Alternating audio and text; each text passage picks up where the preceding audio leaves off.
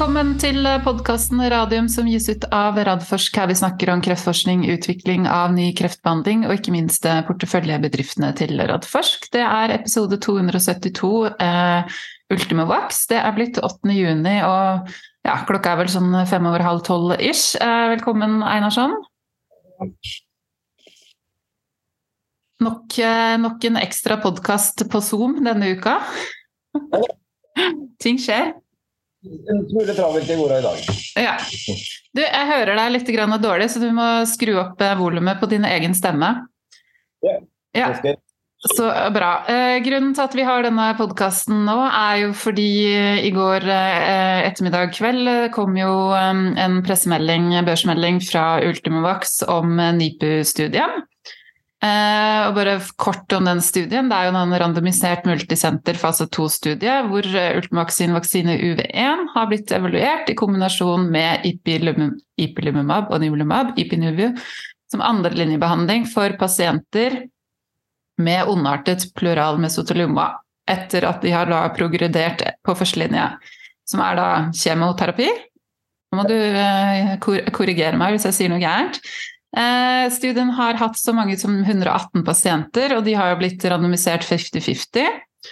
Eh, og så er det jo da viktig å si at dette er en studie som ikke er drevet av Ultimovax, men har vært drevet av eh, Åslaug Helland, som er professor ved Universitetet i Oslo, og også eh, lungekreftoverlege ved Radiumhospitalet. Og så har den gått i flere land, ikke bare i Norge.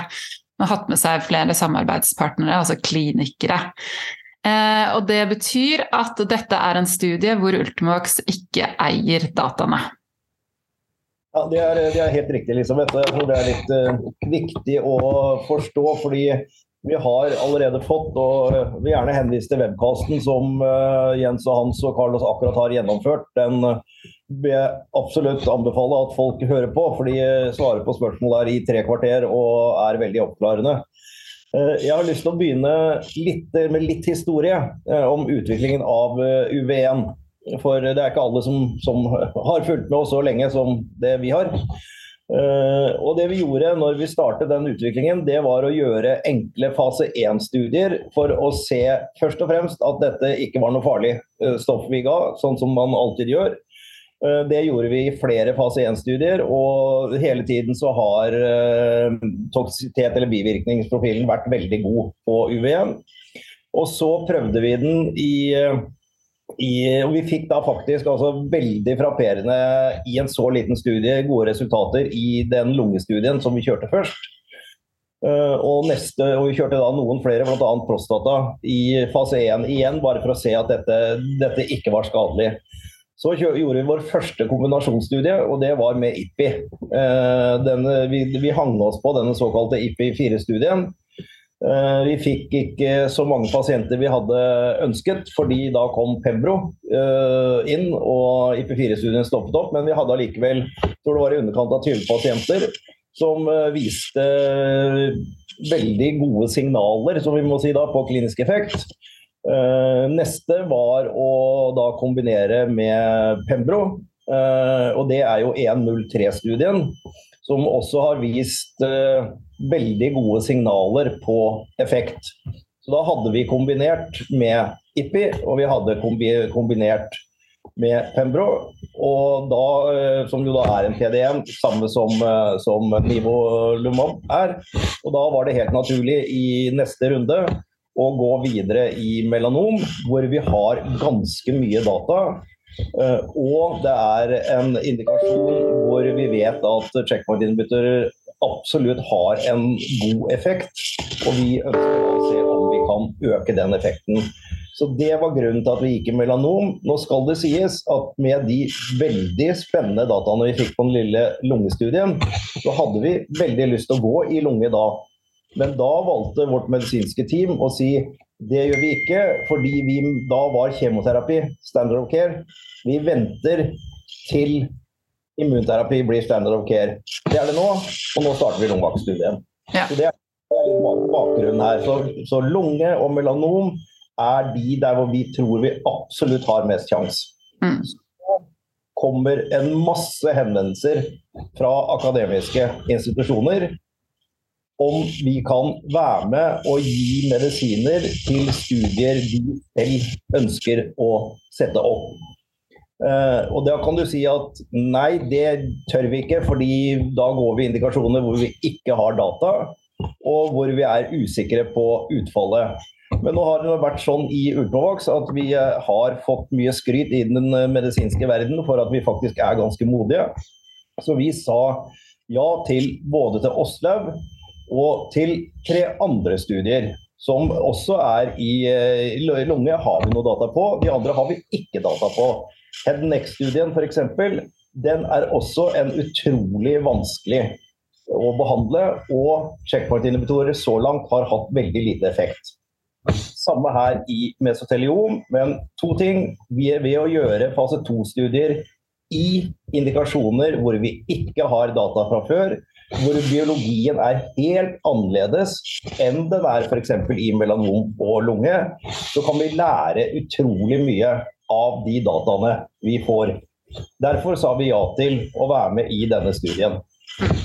Og er det sånn som du helt riktig sa, Elisabeth, dette er en investigated driven study. Det vil si at vi gir UV1, BMS gir eh, IP-nivå, eh, og så er det Åslaug Helland og hennes team som eier alle dataene, men vi sørger for at vi på forhånd får tilgang til og lov til å bruke de dataene som de publiserer, når de velger å publisere. Ja. Du, eh, Jonas, jeg må bare avbryte deg. Tror du kunne slå av meldingene dine og mailen din? For det slår inn så innmari. Jeg skjønner at det er kokos der, men eh, lytterne våre tror jeg ikke setter pris på å få sånne høye meldingslyder i øret når de hører på podkasten. Der kom det en mail til. Bare, hvis du bare skrur den av, så, så får vi det ikke inn hele tida. Da skal jeg ordne det. Da ja, gjør det. Og så må du sitte helt rolig, for det er et eller annet som slår inn. Jeg ser at du, setter, du sitter et annet sted enn det du pleier. Så vi får bare, sånn blir det når vi har sånne hjemmeopptak, holdt jeg på å si, og ikke er i studioet vårt. Ja, nei, men Det er veldig viktig den gjennomgangen du har der, Jonas. For det er viktig å ha med seg den historien. Og så er det viktig det du sier med at dere kunne avslått alle disse henvendelsene fra fra klinikerne. Eh, nettopp fordi, altså Kanskje nettopp i de indikasjonene hvor ikke dere selv har gjort eh, fase 1-studie. ikke sant? Så, men der har man jo valgt å gå motsatt vei, og det tenker jeg det skal man eh, æres for. Men hvis vi da går tilbake til det som da ble sendt ut i går, så er det jo faktisk ingen data som er presentert. Er, det er helt riktig. Vi har ikke fått noen data i det hele tatt. Eh, vi har fått vite at vi dessverre ikke nådde primærendepunktet. Og i denne studien så var primærendepunktet definert som medium progression free survival, vurdert av en uavhengig tredjepart, som er da noen spesialister på radiologi som sitter og vurderer bilder fra masse forskjellige studier og gir sine konklusjoner. Og de har konkludert med at vi ikke har nådd primær endepunktet, og da er det sånn. Så kommer tilleggsopplysningene fra Åslaug. Som en del av protokollen, altså ikke noe sånn tilfeldig, men som en del av protokollen, så blir det gjort dette som heter local assessment. Mm. Det vil si altså at det er radiologene på disse spesialinstitusjonene som sitter og ser på denne typen bilder og mesteliomer fortløpende. Som gjør sin assessment av hvordan det har gått med pasientene. Og når de slår sammen de dataene, så sier Åslaug at vi ikke bare har nådd det primære endepunktet, men at det er statistisk significant forbedring. Vi ser det. Så kan du si hvorfor det er denne forskjellen. Og svaret så langt er at det vet vi ikke. Men det vil det bli gjort mye og videre og grundige analyser av. Selve den som konkluderer med at vi ikke har nådd primær endepunktet, den er sånn. Det blir ikke gjort om igjen. Det blir ikke gjort noen ny uavhengig. Men de vil selvfølgelig se på alle bildene. Og det er de samme bildene som Local Assessment har sett på som de Independent har gjort. Men, men, bare for å kommentere litt på det også, Jonas. For dette vet jeg jo. Jeg har jo sittet ved siden av radiologer når de ser på sånne type bilder. Eh, ikke på mesoteliom, men, men brystkreft. Eh, og, og, de har jo ofte en sånn skala sant, som de vurderer ut fra. Eh, og det er jo faktisk en, en, altså det er en skjønnsmessig vurdering, det er en subjektiv vurdering som gjøres av hver og en. Så har de jo selvfølgelig lang erfaring og, og lang opptrening eh, og i det hele tatt. Men, men, jeg tror at hvis du hadde satt eh, to radiologer i hvert sitt rom for å tolke det samme, altså samme antallet bilder her, da, 118 bilder, eh, så, så, så vil det være en forskjell. Det er naturlig. Altså mennesker er forskjellige. Det er helt riktig at eh, denne, dette endepunktet er egentlig et surrogat-endepunkt, som kanskje kunne si noe om det endelige endepunktet, som absolutt ikke er subjektiv, og det er overall survival. Mm. Der sier Åslaug at hun allerede ser en tydelig trend mot at overall survival blir bedre i intervensjonsarmen. Og Da er det viktig å huske på at det er flere studier med sjekkpunktinhibitorer i vanskelige tumorer. Mm. Burden, som til og med har kommet ut dårligere enn kjemoterapi. Mm. Survival, men som har ført til registrering for overall survival blir bedre. Mm. Det det vi håper på og må støtte oss til at Åslaug sier at det ser sånn ut, at det er en trend nå. En ting til. Du nevnte dette med at det er vanskelig å tolke denne type bilder. Det har du helt rett i. Eh, og mesoteliom er kanskje den vanskeligste av de alle å tolke. Vanligvis så ser du et bilde som er Du kan se det som tredimensjonalt fordi du, du har en rund tumor som du kan lengde og dybde og alt dette på. Mesoteliom er en flat pannekake. Mm. Den blir todimensjonal, så den ja. er enda vanskeligere å tolke enn andre. Ja. Eh, også en annen ting, altså Disse pasientene de skal jo følges opp nå over flere år. så jeg tenker jo at Dette her er jo, dette blir jo data som kommer til å forandre seg hele veien. Eh, også, så det, jeg tenker i forhold til det, jeg tror Carlos eh, hadde det som et poeng i webcasten, at dette med overall survival er jo faktisk absolutt det viktigste. Det viktigste for pasientene, selvfølgelig. Det, det er jo dem det er aller viktigst for. Men, men det er jo et endepunkt som, som, vil forandre seg ettersom tiden går. Ja, og Derfor sier også Åslaug at eh, hun ser denne tydelige trenden, men hun kan ikke konkludere enda. Husk på at det bare er fem-seks måneder siden den siste pasienten ble inkludert i studien. Mm. Så hun ønsker at de skal modnes mer. Og så vil hun ikke dele noe andre data. Hun vil ha alle disse dataene på en uh, publisering og presentasjon på en stor, uh, tung medisinsk konferanse. Og Skal vi si ESMO, eller? det er det alle spekulerer i. ja, det er det Oppland som må si om hun Absolutt. Og det er et tidsspørsmål også. Er ja. data gode nok til å bli uh, presentert på ESMO? Det ja. må vi vurdere. Så vi, ja. vi får det fra henne. Ja. Noe får vi ikke nå. Så min liksom sånn take home message det er hør på hva Åslaug Helland sier. Ja. Det er det vi har å forholde oss til. Ja. Absolutt. Eh, og jeg så også at eh, vår gode venn Geir Hiller Holom, eh, DNB-analytiker, sendte ut en, en, kommentar. Den er jo ganske alignet med, med, det vi sier her. Han hadde ikke så store forventninger til disse dataene. Som han sier, mesoteliom er en kjempevanskelig kreftform. Syke pasienter, i og med at de på en måte ikke har respondert på, på førstelinje kjemoterapi. Um, og så skal vi se, nå skal vi se hva jeg faktisk har notert. Um, og så sier han jo også det at um, han forventer en, en negativ uh, aksjekurs nå med at man går ned ca. minus 30-40% og det er vel ganske timely. Det siste jeg kikka, så var den minus uh, 35% men de, de er jo um, like positive som før. Altså det de sier, de har store forventninger, høye forventninger til Initium-avlesningen. Og endrer ikke sin, sin anbefaling der. Så Den kan også være interessant å se på for de dere som er ute etter fakta. Geir er jo en dyktig analytiker.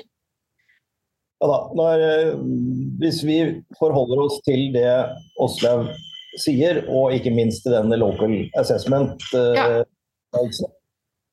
så må jeg si at eh, mine forhåpninger til Initium de er eh, større enn de var for to dager siden.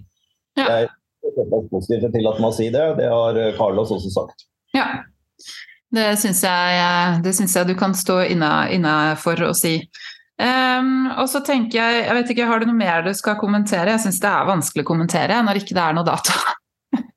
It's all in the data. Det er en grunn til at det er mottoet vårt. Vi forholder oss til fakta. Ja, nei, det er, vi har eh, forsøkt å være transparente og ja. nøyaktig det Åslaug Helland har sagt til oss. Ja. Det er det vi kan si per i dag. Eh, selvfølgelig med Initium så blir det helt annerledes. Det er vår studie, vi eier dataene. Da kan vi komme med, Når vi kommer med topline der, så vil jeg tro at Carlos og Jens og co. vil kunne fylle opp med mer enn bare uh, nådd uh, primary endpoint eller ikke. Men da, da helt til slutt skal jeg ha Det er lenge siden vi har hatt sånne hjertesukk i podkasten, men da skal jeg ta et hjertesukk fra min På vegne av media. Jeg er som mange vet, utdanna journalist. Det er lenge siden jeg har jobbet som journalist, men man vet jo at man har noen ting man skal forholde seg til, og man skal i hvert fall forholde seg til fakta. Eh, og så er det jo sånn at eh, overskrifter og bilder skal selge, og ingressen også, men, eh, og, og brødteksten står for seg sjæl ofte, som mer utfyllende. Men jeg må si at jeg ble ganske skuffa da jeg så overskriftene om dette her, om denne saken, i både Health Talk og Medwatch. Og grunnen til at jeg blir skuffa, er fordi dette her er eh, skrevet av helsejournalister, noen til og med med medisinsk bakgrunn.